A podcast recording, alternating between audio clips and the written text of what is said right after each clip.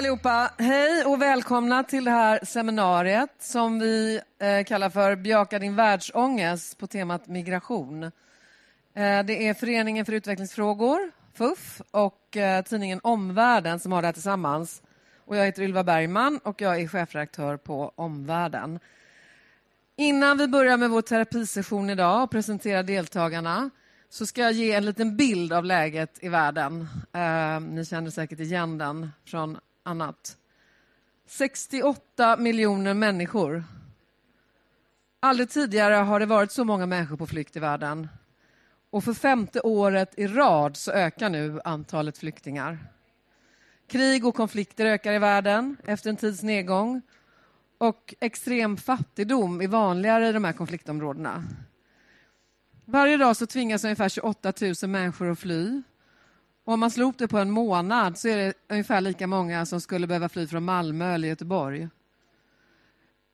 De länder som tar emot mest flyktingar är grannländerna.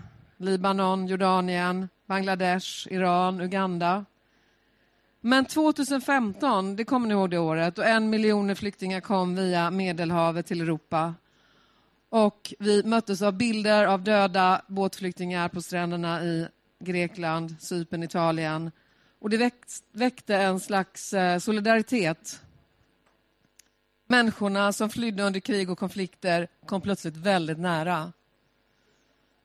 Samma år så sökte ju 163 000 personer asyl i Sverige och 35 000 av dem var ensamkommande barn.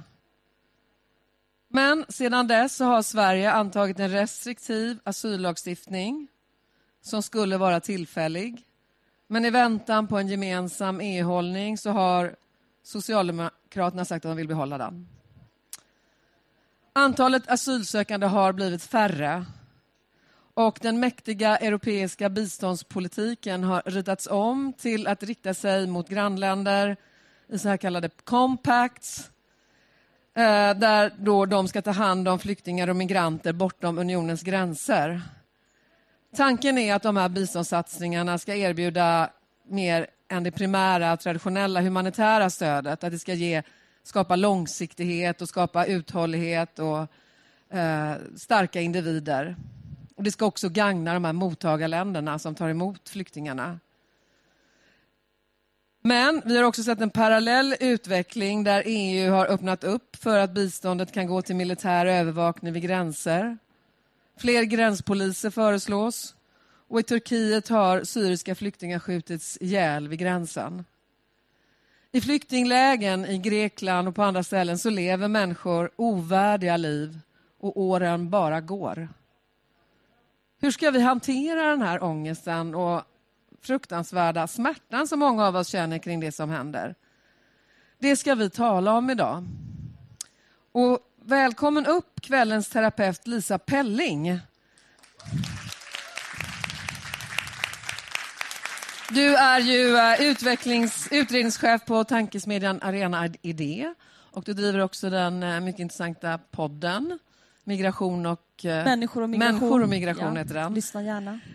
Och du har också varit sakkunnig på UD, så du är verkligen kunnig i de här frågorna. Men nu ska du få ta en liten annan roll. Mm. Jag är, lite, och, ja, jag är lite rädd för den. Är du det? Ja, det kommer gå jättebra. Jag är inte säker på att jag vill komma så nära siffrorna som man ja. kommer tror jag om man pratar med Alice. Ja, precis.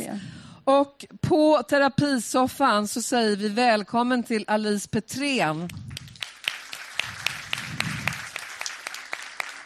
Välkommen. Du är mycket välkänd radioröst som också är korrespondent kring de här frågorna med migration och flykt. Ah. Välkomna och varsågod att börja. Jag har fått i uppdrag att bejaka världsångest. Eh, så vi kommer att lämna siffrorna, lämna statistiken, lämna trenderna eh, och gå till de värsta platserna. Du, eh, man förknippar ju ofta migrationsfrågor, flyktingfrågor med eh, platser. Man tänker Lesbos, man tänker Lampedusa, man tänker Cox's Bazar i Bangladesh, man tänker på Shabra och Shatila, Satari-lägret, Jabalia. Jag tänkte att vi skulle åka dit för att du ska kunna bejaka din världsångest, plocka fram den. Var tycker du att vi ska börja? Det är inte så svårt, den kommer ganska fort faktiskt. Mm. Bara tycker att vi ska är det så man terapeut jobbar? Liksom? De driver en in i, i svarta hålet på en gång, bara pressar in? Absolut. Nu, vi kör sån här fobiträning nu. Vi ska låta spindlarna krypa upp för armen på dig för att du riktigt liksom ska kunna eh, bejaka världsångesten. Ska vi se om vi med Ylvas hjälp sen kan göra någonting bra av det. Vad är den Eh. värsta platsen du har besökt här under senaste Eh, året? september, kanske mm, 12 september, 14 september i höstas när jag, vi kör med bilen ner från Cox's Bazar ner mot Burmas gräns. Och eh, människor som kommer emot mig ser ut som de kommer i Edvard Munchs tavla Skriet. De har totalt döda ögon, de har liksom helt, eh, helt eh, förtvivlade, eh, borta. Eh, de gråter inte, utan de är bara väldigt eh, frånvarande. Ser, eh, och eh, de badar fram i lera, de är barfota, nästan alla är barfota. Det regnar. Eh, och vi kommer i ett område, det är ganska fattiga områden där i södra Bangladesh. Så att, men man ser, till och med jag kunde se att nu var det andra människor ändå som kom. Eh, och jag, för det var väldigt mycket kvinnor och det var väldigt mycket barn. 75 procent är kvinnor och barn.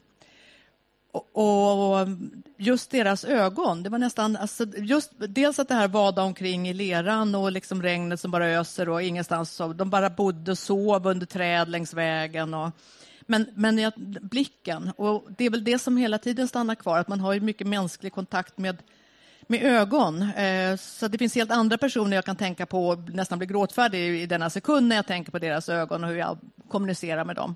Eh, I det här läget var det ju totalt människor som var, eh, ja, de hade kommit kanske något dygn tidigare. En morgon sen så vi var uppe och körde väldigt, väldigt tidigt på morgonen. Chauffören vågade inte köra längre. liksom, han stannade utanför ett hotell och så sa vi måste vänta, det blir lite ljusare. Han var väldigt rädd för olika paramilitära grupper som finns. Och ehm, då, när det ljusnar lite lätt så står det eh, Ja, det stod en 50 människor, dyngsura, som hade precis klättrat upp på stranden och de stod bara och skakade. Och de, ja, det var småbarn, nakna småbarn och, ja, och föräldrarna står bara och skakar och vet inte vad de ska mm, göra. Eh, ja, och det var och det här eh, är tre vår- fotografer som var där, eh, som hade kommit i en annan bil. De åkte tillsammans. Så vi såg deras bil och de hade kommit typ två minuter innan oss. För vi såg deras bil passera och tänkte att ja, vi kan nog kanske också nu köra ändå. Det är nog inte farligt. Och eh, de betedde sig väldigt olika för att jag eh, började gråta. Jag tyckte det var jättejobbigt. Och jag började nästan gråta när jag pratar om det, för det var väldigt, väldigt jobbigt. Ehm, och den här ena fotografen, han tycker att jag är jättesåpig och vad är det här för kärring som har kommit hit? Eh, och liksom undan, nu ska jag ta den här bra bilden och, och han liksom, ja, de var ju väldigt zombieartade. Eh, och den andra fotografen, han var mer så att han vände sig till mig, men du, eh, hur är det liksom? Nej, jag bara tycker det här är för jävligt. Det här är för jävligt att se det här. Är det så att eh, fotografer, de är ofta män, kan gömma sig bakom kameran medan du i din mikrofon måste fånga upp eländet och liksom föra det vidare, ta det. Ja, jag tror att han, den här mannen som var, blev så aggressiv, han var säkert väldigt illa berörd också. Och det var väl kanske ett sätt att hantera helt enkelt situationen. Han blev väldigt, väldigt otrevlig. Eh, och eh, jag menar, det är inte bry, kan inte jag mig bry mig om, men det var väldigt intressant att se hur olika de hanterar. Och eh, jag, eh, det var en familj där som hade tre barn och någon sex som de bar på också, som hade lyckats dra i land. Och jag började bära på ett barn helt enkelt, för de skulle börja försöka ta sig lite längre ner eh, längs med vägen där och liksom ändå börja röra på sig. Vi var där i kanske en eh, timme stod vi där och, och då bar jag på ett barn och den där killen, fotografen, han tyckte att jag var väldigt konstig som gjorde en sån sak. Är det ofta som, man inte, som du inte kan låta bli att gripa in i sådana situationer? Nej, väldigt sällan jag gör det. Väldigt sällan som jag tänker otroligt viktigt att jag inte blir en aktivist. Och det är det enda sättet för mig att skydda mig också. Men det i vissa lägen så jag behövde inte stå och intervjua dem mer och då kunde jag väl ändå hjälpa till liksom, när jag ser att de ju är, är, är bortom sans. Är det så du hanterar din världsångest på plats, att du försöker eh, göra din roll som journalist, du försöker intervjua även de som du finner i sådana otroligt utsatta situationer? Kan ju- människor berätta någonting när man är i en sån situation som är så full av trauma, rädsla, oro? Eh, det, det är ju så jag kan bidra. Jag kan inte bidra med att eh, plötsligt bara släppa alltihopa och försöka rädda någon enskild. Det är ju inte därför jag är där. Utan mitt bidrag, mitt bästa bidrag är väl att försöka berätta så att andra känner till vad det är som händer. Jag och jag måste jag... Försöka, försöka tänka det hela tiden. Eh, det har hänt mig och äh, att jag äh, har gett pengar till en afghansk familj på Lesbos. Och den pojken i den familjen är den som jag bär allra mest med mig hela tiden. Han är nu 12 år och han befinner sig i Tyskland. Eh, och jag har dumt nog i radio råkat säga en gång att jag tycker att jag känner så mycket för honom så jag skulle kunna adoptera honom. Då blev det en Twitter-storm på mig förstås. Att det, det kunde jag ju inte göra, säga en sån sak. Och det, jag, jag menar inte att jag skulle adoptera honom, utan jag bara det är den absolut svåraste gruppen att träffa i mitt jobb, tycker jag. Det är skolbarnen. För att mindre barn de leker med pinnar och bollar och, och, och olika saker. Eh, vuxna de får hantera en svår situation och det är smärtsamt att se hur, hur de kämpar för sina barn kanske. Äldre kan det också vara kämpigt. Rullstolar som plötsligt dök upp där i Bangladesh eh, är också jobbigt att se. Eller på Lesbos för övrigt. De har lyckats ta sig mellan Turkiet och Grekland med i, i båtar över med rullstolar. Jag förstår inte riktigt hur det har gått till nästan. Men skolbarnen känns så smärtsamt tycker jag, för att de förstår väldigt mycket. De har inga som helst verktyg för att hantera någonting. Eh, de har, ja, förlorar ju en, liksom väldigt många år av sitt liv och kanske aldrig får något väldigt bra liv, utan de har tappat väldigt, tappat väldigt mycket. Och ändå är de medvetna om vad de är. De hör ju de vuxna, de förstår ju liksom eh, när du, när, du, när du är i såna här väldigt ångestframkallande situationer, när du, när du försöker beskriva dem, när du försöker förmedla dem till radiolyssnarna, vad är det som, som radiolyssnarna brukar höra? Vad är, din, vad är ditt intryck? Är, berörs de också av de här typen av historier? Är det, är det en, en drivkraft att försöka hantera ångesten genom att just gå till de svåraste fallen och försöka beskriva dem för, för lyssnarna? Klassisk journalistisk metod är ju identifikation. Att om jag kan beskriva någonting att det här skulle nästan kunna ha varit ert barn, er son som inte går i skolan och som inte... Det, det, det är naturligtvis ett klassiskt grepp. Eh, men ibland så kan det där slå tillbaka att det blir liksom för för soft. För, alltså, jag får ju väldigt många sådana också, att ja, ja, du, det är bara stön och det är bara gråt och det är bara äh, ömkan och det och det där är en balansakt, för det, jag vill inte heller skjuta bort lyssnare. Nej, för Nej. du ser inte bara ångest, ibland kanske du ser människor som också mot alla odds klarar sig, föräldrar som mot alla odds biter ihop, som kämpar sig vidare, som, som eh, klarar av situationer som egentligen är ofattbara och omänskliga att, att klara av. Människor är väldigt starka i väldigt många situationer och väldigt imponerande i många situationer. Ibland kan man tycka, om, när man får någon Twitter-inlägg som man känner så här, men du eh, som sitter framför liksom, en tv i någon soffa någonstans, liksom, gå ut själv och fundera lite mer liksom, hur det egentligen skulle vara om du, du var berörd av den här situationen. Men sen får jag ju ångest av eh, Bryssel till exempel. Um, um, när jag ser dokument som kommer ut därifrån och jag förstår att det här är ju, kommer bli väldigt plågsamt för, för många människor. Uh, det kommer bli svårt. Uh, och, och framförallt så tycker jag, får jag lite ångest över att uh, Europa inte klarar att hantera och, och att idag är politiker väldigt pressade av ehm, av um, främlingskritiska, skeptiska eh, strömningar så att alla försöker, politiker försöker hantera situationer. De kanske själva är främlingsskeptiska som Orban eller Salvini eh, Salvini i Italien och Orban i Ungern. Men... En ångestframkallande glosa som vi har fått lära oss nu är disembarkation platform. Man tänker sig att... Eh... Very vague, skulle äh. man kanske lugnt mm. säga. Eller man ska ha... Eh, jag satt uppe hela natten mellan torsdag och fredag i, i presscentret i Bryssel och då kom ju slutsatser från ledarna som hade suttit där. De hade fruktstund och de åt soppa och vi såg bilder på Twitter att det kom pizzor och vi sa ja men jippi nu har ju Eh, Conte, italienska premiärministern, beställt pizzor åt oss. Det är jättebra. Åtminstone kan han ju fixa det åt oss. Men det var inte till oss, utan de, de försvann in till någon personal där. Men det var allt möjligt som hände under natten där. Och, um, sen kommer slutsatser där de ska ha eh, center som är då eh, kringskurna center. Eh, man får absolut vara... inte säga läger, men det är Nej. det som man som journalist läser ur den texten. Det är så man ja, man läser ju att det är stängsel. Eh, och att människor ska, och det är väldigt vagt var de ska vara någonstans. Alltså och människor som har var, korsa Medelhavet som ska föras tillbaka. Man kallar det ibland för pushbacks. Man för människor tillbaka till den libyska gränsen och där ska man ha en disembarkation plattform. Det låter som att det ska vara en, en liten brygga ut i Medelhavet där, där man ska gå av och där ska man få eh, posttraumatisk stressbehandling kanske. ska vara en liten förlossningsklinik där men framförallt så ska det vara då stängselomgärdade centra. Ja.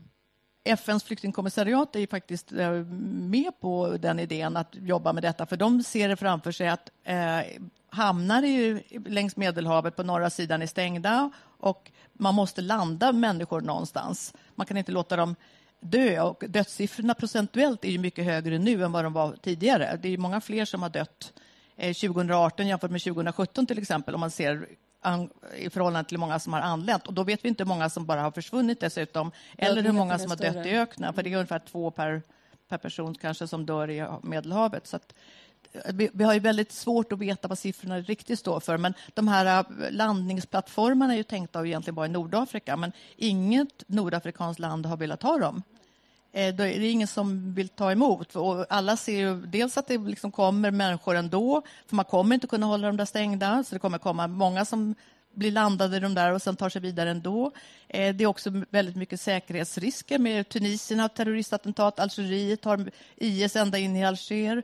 Eh, man, man vet att hela Sahelområdet är fullt av terrorister och överhuvudtaget gangsters, det är laglöst.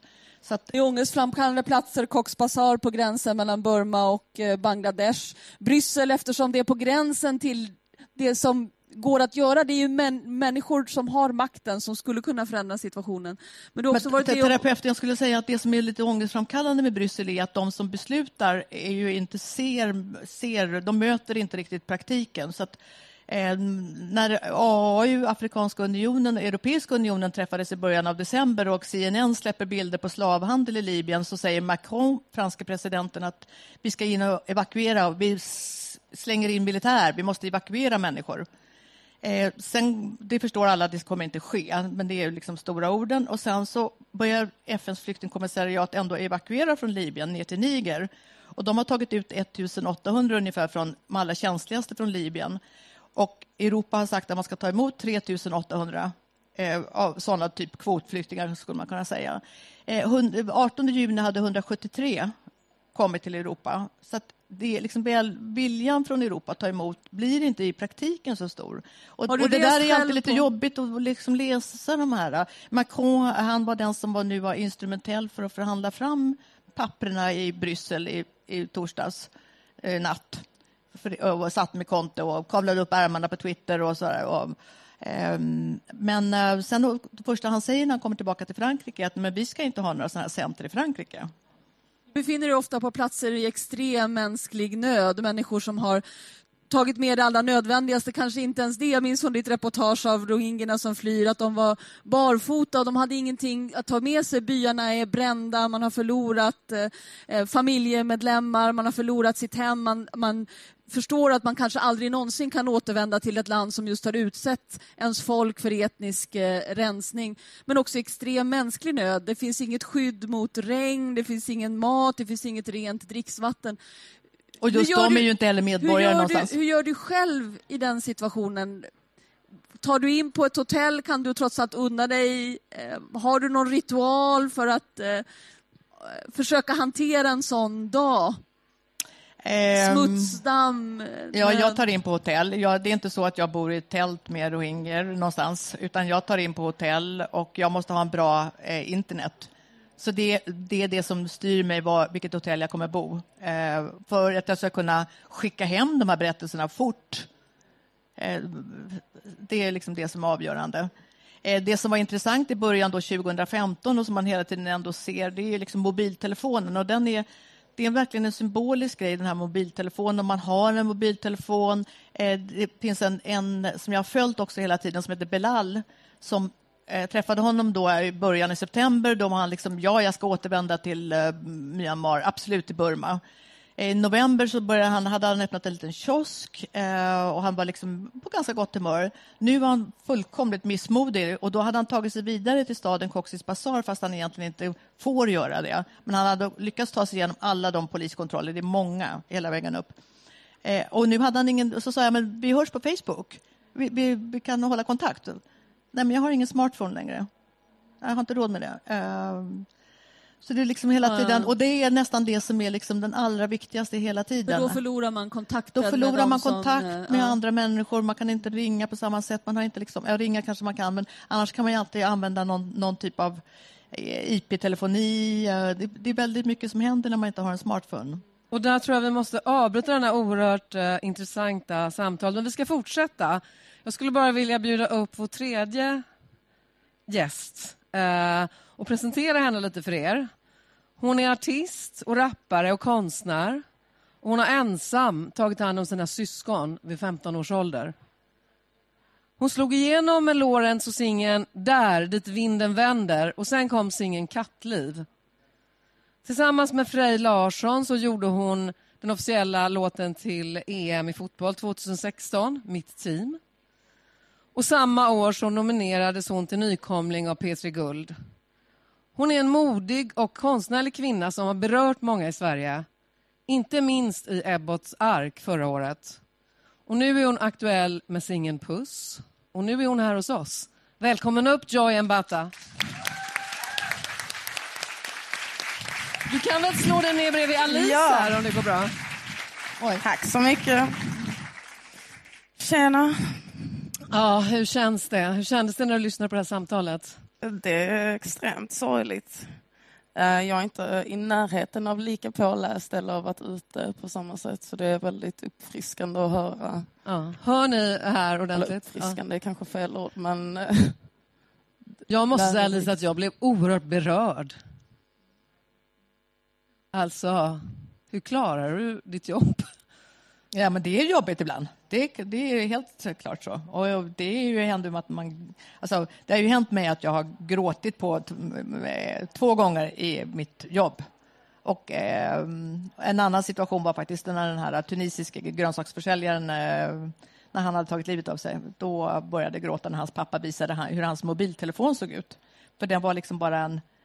Ja, och då på något sätt så såg jag honom framför mig. Så det där med känner du ett tvång att du måste visa dig stark och inte bryta ihop i de Nej, lägena? men jag kan inte bryta ihop. Jag måste ju jobba, så att jag kan inte bryta ihop. Men du känner väl igen det där att vara tvungen att vara stark, Joy? För du var ju 15 år när du fick ta hand om dina fyra syskon, är va? Ja, eller jag var 15 år när jag bodde själv för första gången. Ja. Och då blev jag splittrad från mina systrar och fick jobba mig fram att bli ett lim i vår relation och se till att vi hade varandra.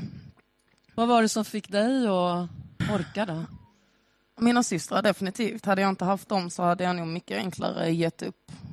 Men samtidigt vill jag inte se mig själv som en person som ger upp. Och jag vill inte heller ge dem all credden för att jag har kommit dit jag är eller är där jag är. Men det har definitivt varit en drivkraft att inte låta dem behöva gå igenom det vi har gjort en gång till. När vi pratade innan det här så sa du att du kunde förstå den här känslan som flyktingar kanske har att vara utsatt. Och vad det gör med en som människa. Alltså jag förstår känslan, jag vill, jag vill inte likna det, men Nej, jag nej, förstår men- känslan men, att känslan, inte känna att sig Att lite, inte kanske. känna sig behövd och älskad, att inte ha någonstans att ta vägen. Jag plockade burkar när jag gick i gymnasiet. Och min största ångest i liksom världen ligger inte i att det händer hemska saker i olika länder, utan snarare hur skyddat land vi lever i. Vi lär oss ingenting um, om gemenskap och att ta hand om varandra, öppna upp för varandra och finnas där för varandra i skolan. Vi lär oss liksom att ens personal space ska vara tre meter, man ska inte prata med främlingar. Vi lär oss om jantelagen, vilket gör det ännu svårare för oss att ens relatera till folk som har det jobbigt eller sätta oss in i deras situationer för att vi inte har pratat om det. Vad, vad tror du, Lisa, eh, att det här gör med oss människor? Att vi, ni, ni, ni pratar om EU, jag tänkte vi kan komma tillbaka till det, men att, att man tänker sig nästan, som jag ser framför mig, burar då, som USA, kanske till och med de här compoundsen ska vara i, i stater som är fallerade stater där det inte finns regeringar. Vi ska betala våra biståndspengar till att de ska skickas och sen ser vi bilder på migranter som åker över havet och det här som Alice snuddar vi bara lite grann via Nyström. Vad gör det med oss människor att se liksom de där? Att jag skulle Ja, ja. Nej, men jag, jag, jag, jag, jag tror att det kommer att se förfärligt ut. Är därför jag försökte ta fram den här glosan. Det låter som en, en avstigningsplattform, låter som något neutralt. Ja, det låter som en solindränkt sommarbrygga. Och i själva verket så kommer det att vara läger mitt ute i öken i oerhört korrupta, dåligt fungerande stater som är liksom impregnerade med våld. Och de här människorna kommer att utsättas för utnyttjande, slavhandel, våldtäkt. Det vet vi redan. För, för det, det kommer inte finnas någon möjlighet för det internationella samfundet ens med den bästa vilja i världen att skydda de här människorna från det på de här platserna. Och ju mer avlägsna de är från möjligheter för journalister att åka dit att rapportera. Australien har ju redan testat detta. De har ju redan tagit fram en modell och dit får sådana som Alice inte tillträde till de här eh, öarna utanför eh, Australiens kust dit man har förvisat eh, asylsökande som har tagit sig fram till Och där folk eh, är Australien. tystnade och sytt ihop sina läppar. Ja, Men eh, ingen hör dem ändå. Precis. Så, så det, det, ja, och, och, man ska liksom hantera mänsklig rörlighet. Vi vet att vi människor har rört oss genom hela vår historia. Vi kommer att fortsätta röra oss. Det enda vi liksom kan göra det är att försöka hantera detta. Och då måste man ha asylrätt och så måste man ha lagliga vägar för all annan migration. Människor som vill plugga, som vill besöka, som vill återförenas med sin familj, som vill jobba. Men så måste vi också, liksom den tredje pelaren är att vi måste respektera liv. Och, och, och eh, om vi misslyckas med allt andra, vi klarar inte av att skydda asylrätten, vi klarar inte av att öppna upp med, eh, lagliga vägar, så måste vi åtminstone se till att människor inte far illa under tiden som vi försöker hitta en lösning. Jag måste ständigt liksom ha fokus på detta. Men, men var det och, och, och det här att stänga in människor i burar är, är helt, eh, är helt fel. Men 2015 då, som du också berörde, så drabbades ju många av oss av, det, av flyktingarna. De kom nära plötsligt. Nu ska vi stänga ut dem igen. Jag, jag tänkte lite, vad gör det? Vi Men vad använder du för, det- du säger just nu, vi drabbades av flyktingarna, det, det där är också väldigt riskabelt språk. Okej. Eh, eh, att vi drabbas. Eh, för att det är...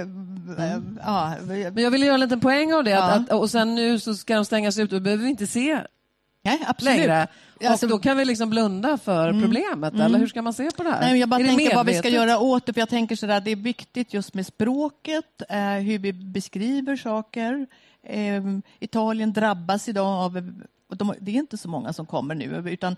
Eh, Nej, det har liksom ändå, de har verkligen stoppat. Eh, Och, och då, det är viktigt hur man använder språk och hur det beskrivs. Det tror jag är en jätteviktig del. Och sen tror jag väldigt mycket måste läggas på integration. Att, att det, liksom, är- det är inte så att det skapar problem. Utan, eh, idag tidigare så hörde jag Ångpanneföreningen till exempel. Eh, ingenjörer på Ångpanneföreningen som kommer från Mellanöstern. Eh, de hade varit med och de hade inte jobbat som ingenjörer utan de har varit med och validerat andra ingenjörer från Mellanöstern och deras utbildningar. Och de kunde säga vilka utbildningar som var bra eller inte och liksom rekrytera bra nya personer, var de med och gjorde.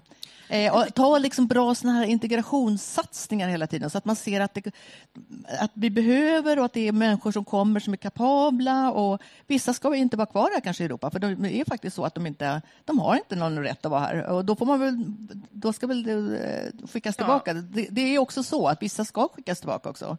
Det tror jag nog. Mm. Vill du säga något? Ja, ja, jag bara undrar hur vi får den yngre generationen att bli intresserade och vilja hjälpa för att den här diskussionen förs inte i skolan. Jag pratar inte med mina kompisar om politik. Det pratas inte om på festerna. Det är en bild på eh, Facebook. Om du likar det här så hjälper du Syrien. Och så gör man det och sen går man ut och gör sitt. Hur gör vi och vad gör vi för att vi som är yngre ska förstå allvaret i den här situationen och inte vara stängda i våra trygga vardagar? Det ska ju inte behöva krävas att man har förlorat allt för att förstå hur viktigt det är att hjälpa. Jag tänker på en sak som, som gör så här om, om att vi har så svårt att förstå hur skyddade vi lever i Sverige, men också hur svårt vi har att förstå vilken enorm styrka människor kan visa i situationer som är omänskliga och outhärdliga. Hur människor faktiskt, trots de vidrigaste omständigheter, kan resa sig, kan skapa ett bra liv för sig själva, för sin familj, kan ta sig vidare. Att det också fyller oss med hopplöshet. Vi ser människor i flyktingläger och tänker stackars offer, om inte vi kommer dit och hjälper så kommer de aldrig klara sig vidare. Och det är helt fel. För att det, det krävs så lite för att människor ska kunna ta sig vidare, ska kunna skapa sig en framtid den andra sidan av det myntet är ju också att man kan inte kontrollera migration. Människor är inte schackpjäser som man bara kan liksom, ja den här gruppen de häller vi ut i Sahara och de andra låter vi, låser vi in i ett läger på Lesbos. Nej, människor kommer att hitta vägar, man kommer att ta sig ur, man kommer att tränga igenom murarna. Det enda valet vi har på något sätt är att försöka öppna upp så mycket som möjligt att hantera migrationen, att liksom stoppa det kommer aldrig ja, att fungera. Ja, efter allt jag gick igenom, jag är 23, jag har inga föräldrar, jag har fyra systrar. Ehm, efter allting jag gick igenom så slutade jag tycka synd om folk. Och jag vet att folk tycker det är sjukt och att jag borde göra det, men att tycka synd om någon är att nedvärdera dem. Att tycka synd om någon är som att de inte har en chans. Liksom. Att tycka det är en sorglig situation och att tycka att det är sorgligt det de går igenom, att vilja hjälpa till i det, men att tycka synd är liksom att ja, det är sad. Och det är det vidrigaste man kan göra i någon som är i vad tror du man ska göra då för att vända situationen och öka kanske? Jag tror definitivt vi ska börja prata om det i skolor. Jag kom från en familj som levde bättre än bra och förlorade allt på en dag um, med missbrukande föräldrar och allting. Och det sa jag inte till någon på fyra år. Och då vet ingen det. Och jag vågade inte säga någonting om det för att psykisk ohälsa är tabu, eh, missbruk är tabu, även om det är fler här inne som känner folk som är missbrukare än vad det inte är. Mm. Så är det ingenting man pratar om, det är ingenting man berör, det sköter man för sig själv. Och det, då bryts man ner ännu mer snarare än att låta debatten vara öppen om det. Så det måste börja tidigare än att man ska bli vuxen och helt plötsligt intresserad av politik. För politik har fått ett så extremt tråkigt yttre att man knappt vill ge sig in i det. Alice, hjälp oss att förstå lite grann vad det är som händer i EU. För att vi, vi pratar om att man måste jobba med de här sakerna, kanske skolan och integration. Samtidigt så ser vi ju allt mer stängda dörrar. Vad beror det på? Hur skulle du förklara den här... Eh, EU är mer splittrat än någonsin tidigare i den här frågan. Eh, står längre ifrån varandra än någonsin tidigare. Eh, och jag ser inte någon ljusning i det, utan antingen kommer de kommer de länder som är inte beredda att vara med och, och gemensamt ta ett ansvar och liksom hålla, inte, inte gå till nationalistiska lösningar, enskilda lösningar, utan uh, för att få med dem överhuvudtaget, möjligtvis ha med dem i ett EU-samarbete, det är ju straff, eh, straffåtgärder. Att eh, pengar, det, det får svida ordentligt. Eller att de åker ut ur Schengen, det gränsfria samarbetet i Europa. Det är ju de alternativ man laborerar med. Jag pratade ett tag om att mest, en av de ångestframkallande platserna som Alice kunde, skulle kunna ta med oss till är, är den ungerska landsbygden. Själv fyller det mig med en sån fasa tänka att det finns ett land som är helt besatt besatta av invandrare utan att ha någon invandring. När jag träffade en tankesmedja i Budapest för ett par veckor sedan sa de det enda som har kommit gott av det här det är att romer har hamnat lite högre upp på, på stegen för de var ju så föraktade, så eh, hatade tidigare men nu är plötsligt invandrarna ett hot ännu värre och de har ingen invandring. Tänker jag, jag tänker ofta sådär, som du också tänker måste lyfta fram de bra exemplen på integration, visa hur bra det kan gå, människors inneboende styrka, Eh, hur mycket migrationen eh, eh vi kan eh, ge ekonomiskt, personalförsörjningen i äldreomsorgen, så tänker jag på Ungern. Så tänkte jag, det spelar ju ingen roll. Men hur förklarar du det då? Det är ju liksom en klyfta. De, det, det, den här liksom skräckbilden är så och stark. Och att människor lever så mycket med rädslor idag. Det, är, och det tycker jag nog att min, min egen yrkesvärld bidrar till. Att vi, vi har väldigt mycket krimrapportering hela tiden, kriminalitetsrapportering och det jagar upp. Och liksom, det är inte, konflikter är en sak, att man pratar om konflikter, att här finns det nu olika meningar om det här och hur ska vi lösa det? Men eh, kriminaliteten som blåses upp till eh, väldigt stort hela tiden och att vi hela tiden bygger på rädsla. Berlusconi till exempel, det var ju hans narrativ, det var hans storytelling. Det var att säga att allting var väldigt farligt och migranterna är väldigt farliga. Eh, och sen skulle han kom, rida in på den vita springaren och rädda italienska folket. Eh, och det är lite samma sak även med om man ser på ungdomar, alltså klyftorna och, och rädslor för varandra. Ja. Jag, tror, jag, tror, att man liksom väldigt tidigt ska för att få bort överhuvudtaget med det här med, också med kriminalitet så ska man starta väldigt tidigt i skolorna och, och fånga upp innan någon blir en tonåring och börjar försvinna in i olika saker hit Man är ju rebell mot sig själv och säger någon ja. det här får du inte göra så vill ja. man ju testa. Men det är Definitivt. intressant det där med rädslorna, för vi hade ett samtal här för några dagar sedan med Sasha, Sasha Beslik från Nordea. Och han sa ju det, han var ju själv flykting, och att det, vi har sån tunn fernissa. Och när den faller så, eh, så är vi kapabla till ganska hemska saker som du, du ju också har bevittnat.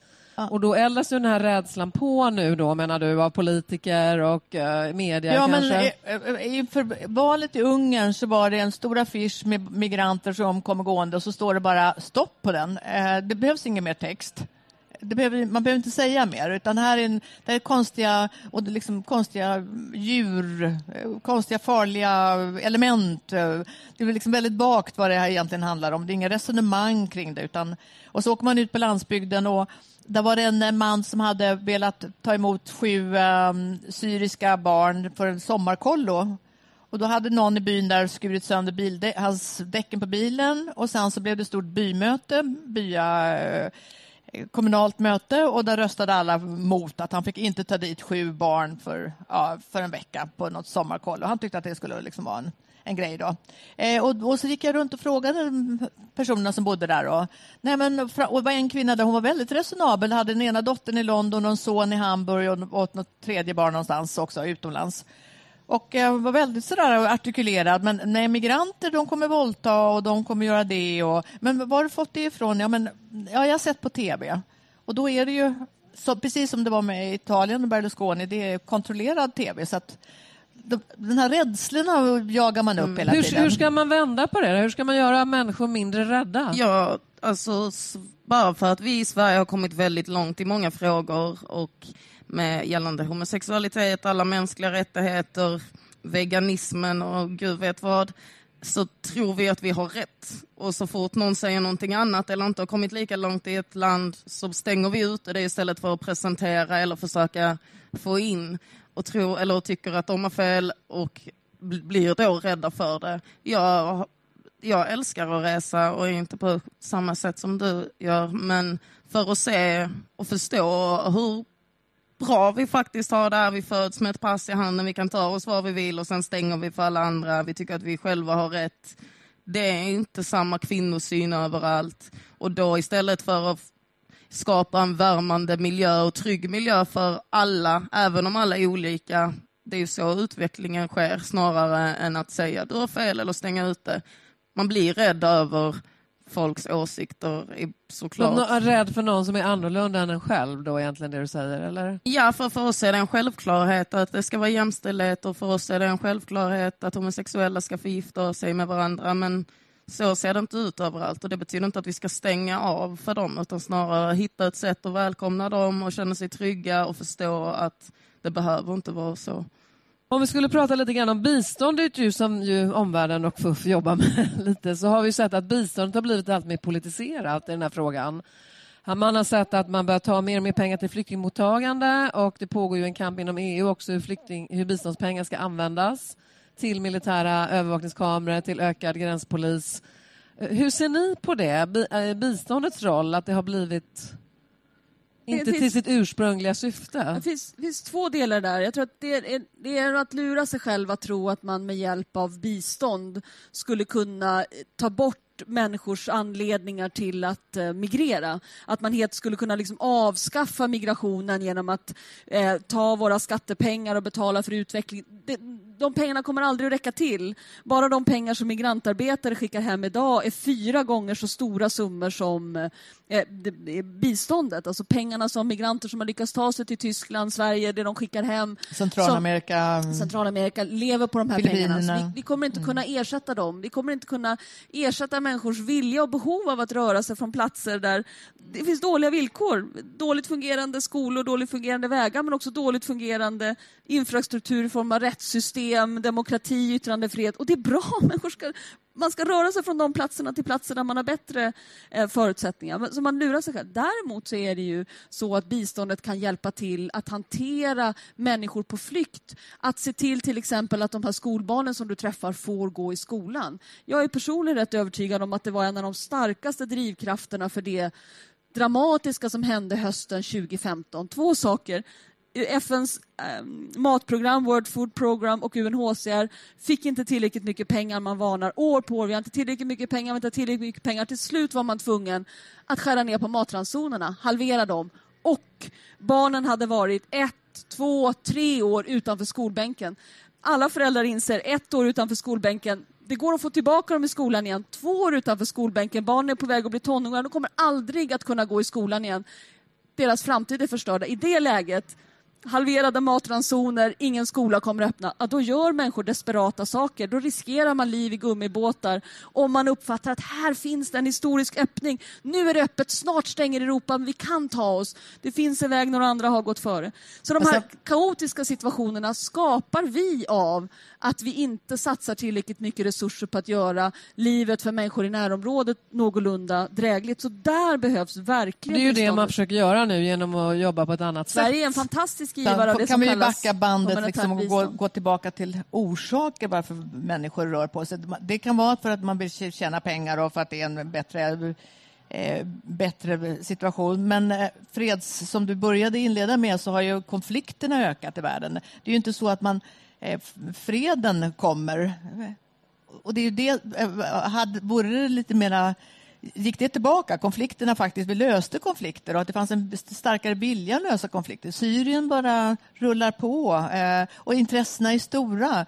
Eh, Kongo är alla är där och drar i mineralerna och alla resurserna. Det är samma sak med ehm, Burma. Det är ju inte så att det där är inte en ekonomisk... Eh, utan det är, Rakhine-staten är ju otroligt rik på olja och på gas. Och Kina har en djuphavshamn och det finns massa mineraler. Eh, så det finns ett stort intresse för, för Rakhine-staten att det inte ska finnas människor som besvärar ehm.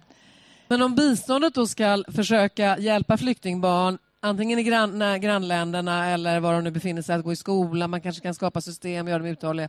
Ska mer och mer av de pengarna då tas till övervakningskameror, poliser? Det är ju det som men du har hela förskjutningen från att det är liksom ett, ett långsiktigt infrastrukturellt eh, biståndsarbete där man faktiskt eh, försöker ändra eh, och bidra till en riktig utveckling i ett land till att du har liksom mera katastrofinsatser hela tiden och bara mat för dagen ja. till eh, kamerorna. Så det, det, är ju en hel glidande ja. skala det där, eh, Absolut. måste man ju tänka på. Och nu försöker man ju integrera då så i länder som till exempel Libanon där omvärlden var som jag tror har den största fonden från EU, Madad-fonden, där, där de pumpar in pengar i Libanon för att Libanon ska hjälpa syriska flyktingbarn i skolor. Men då ska man också komma ihåg att Libanon är också ett land med väldigt, väldigt rika människor och väldigt korrupt.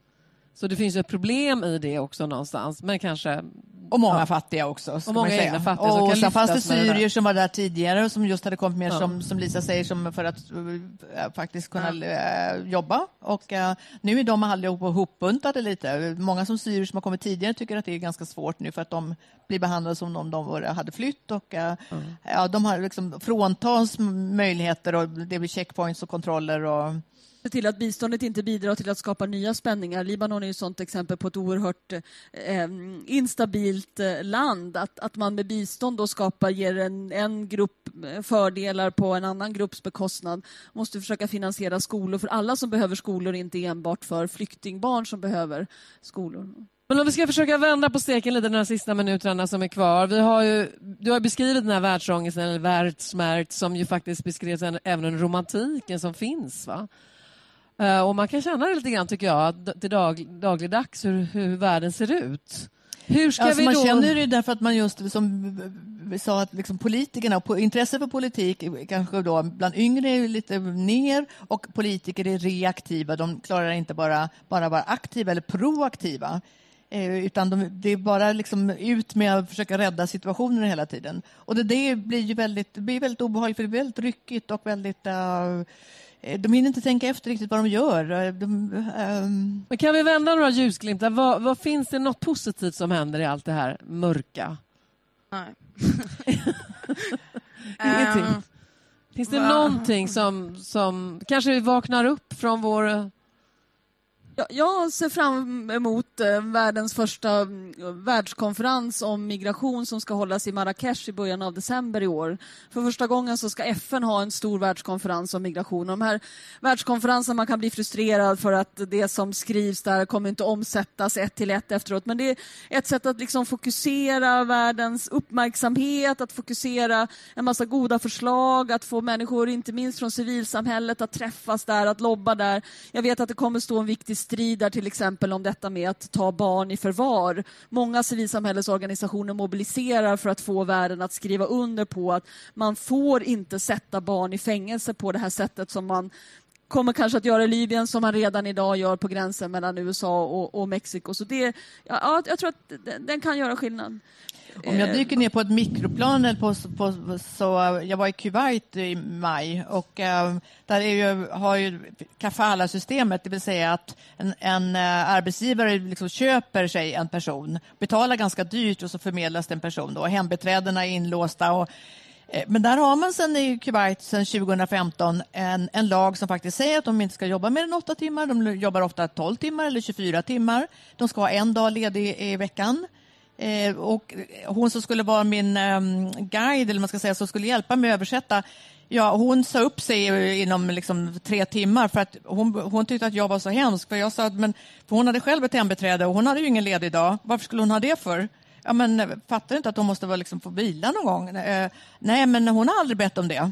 Eh, men det finns en lag ändå och den är framdriven 2015 och det finns ett civilsamhälle och sen var jag på ett möte och de var inte mer än ja, en åtta, tio jurister och jag var också intervjuad en, en eh, framstående jurist. Och, eh, det är män med de här långa vita, eh, vad man nu heter, kaftanliknande och liksom vita och han var väldigt, de är väldigt noga med att de där ska ligga rätt och sådär med den här slingan runt och sådär.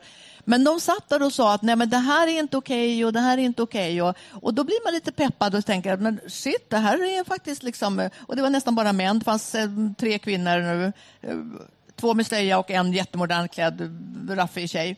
Um, och de, nej, de liksom håller på och driver och pressar och de var ju naturligtvis på ganska hög nivå i kuwaitiska samhället och hade direkt access till emiren och så. Uh, så, så det sker, de kommer ändå, ja. det är, man får bara hoppas liksom att saker sakta ändå det sker och via internet saker. och sånt, man ser ändå att det, det, det går inte passera. Det, var liksom, det, det, är kriser.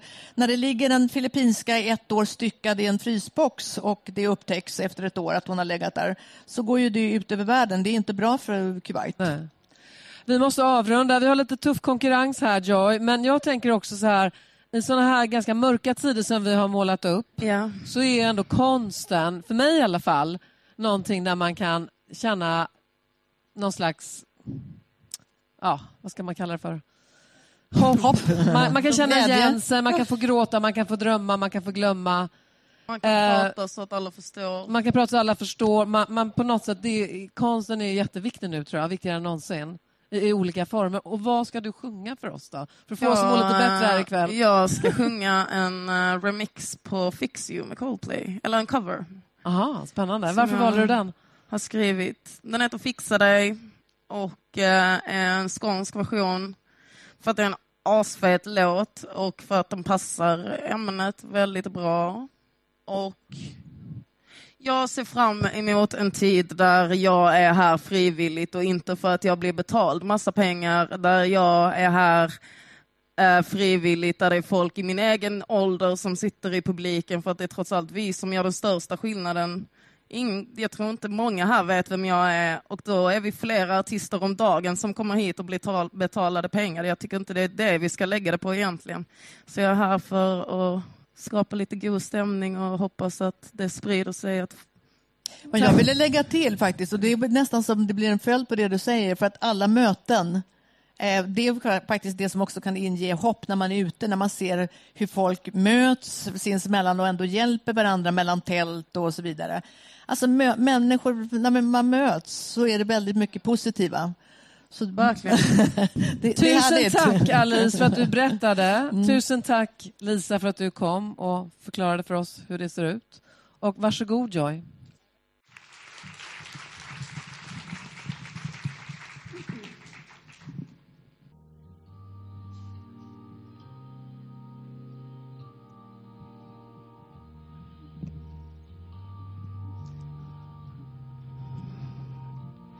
När du försöker ditt bästa men inte går. När du får vad du vill ha men inte vad du behöver. När du känner dig trött men du inte sover. Fastnat i back. När tårarna rinner ner för din haka. När du förlorat något du inte kan få tillbaka. När du älskar någon men det slösas bort, ja. Kan det bli värre?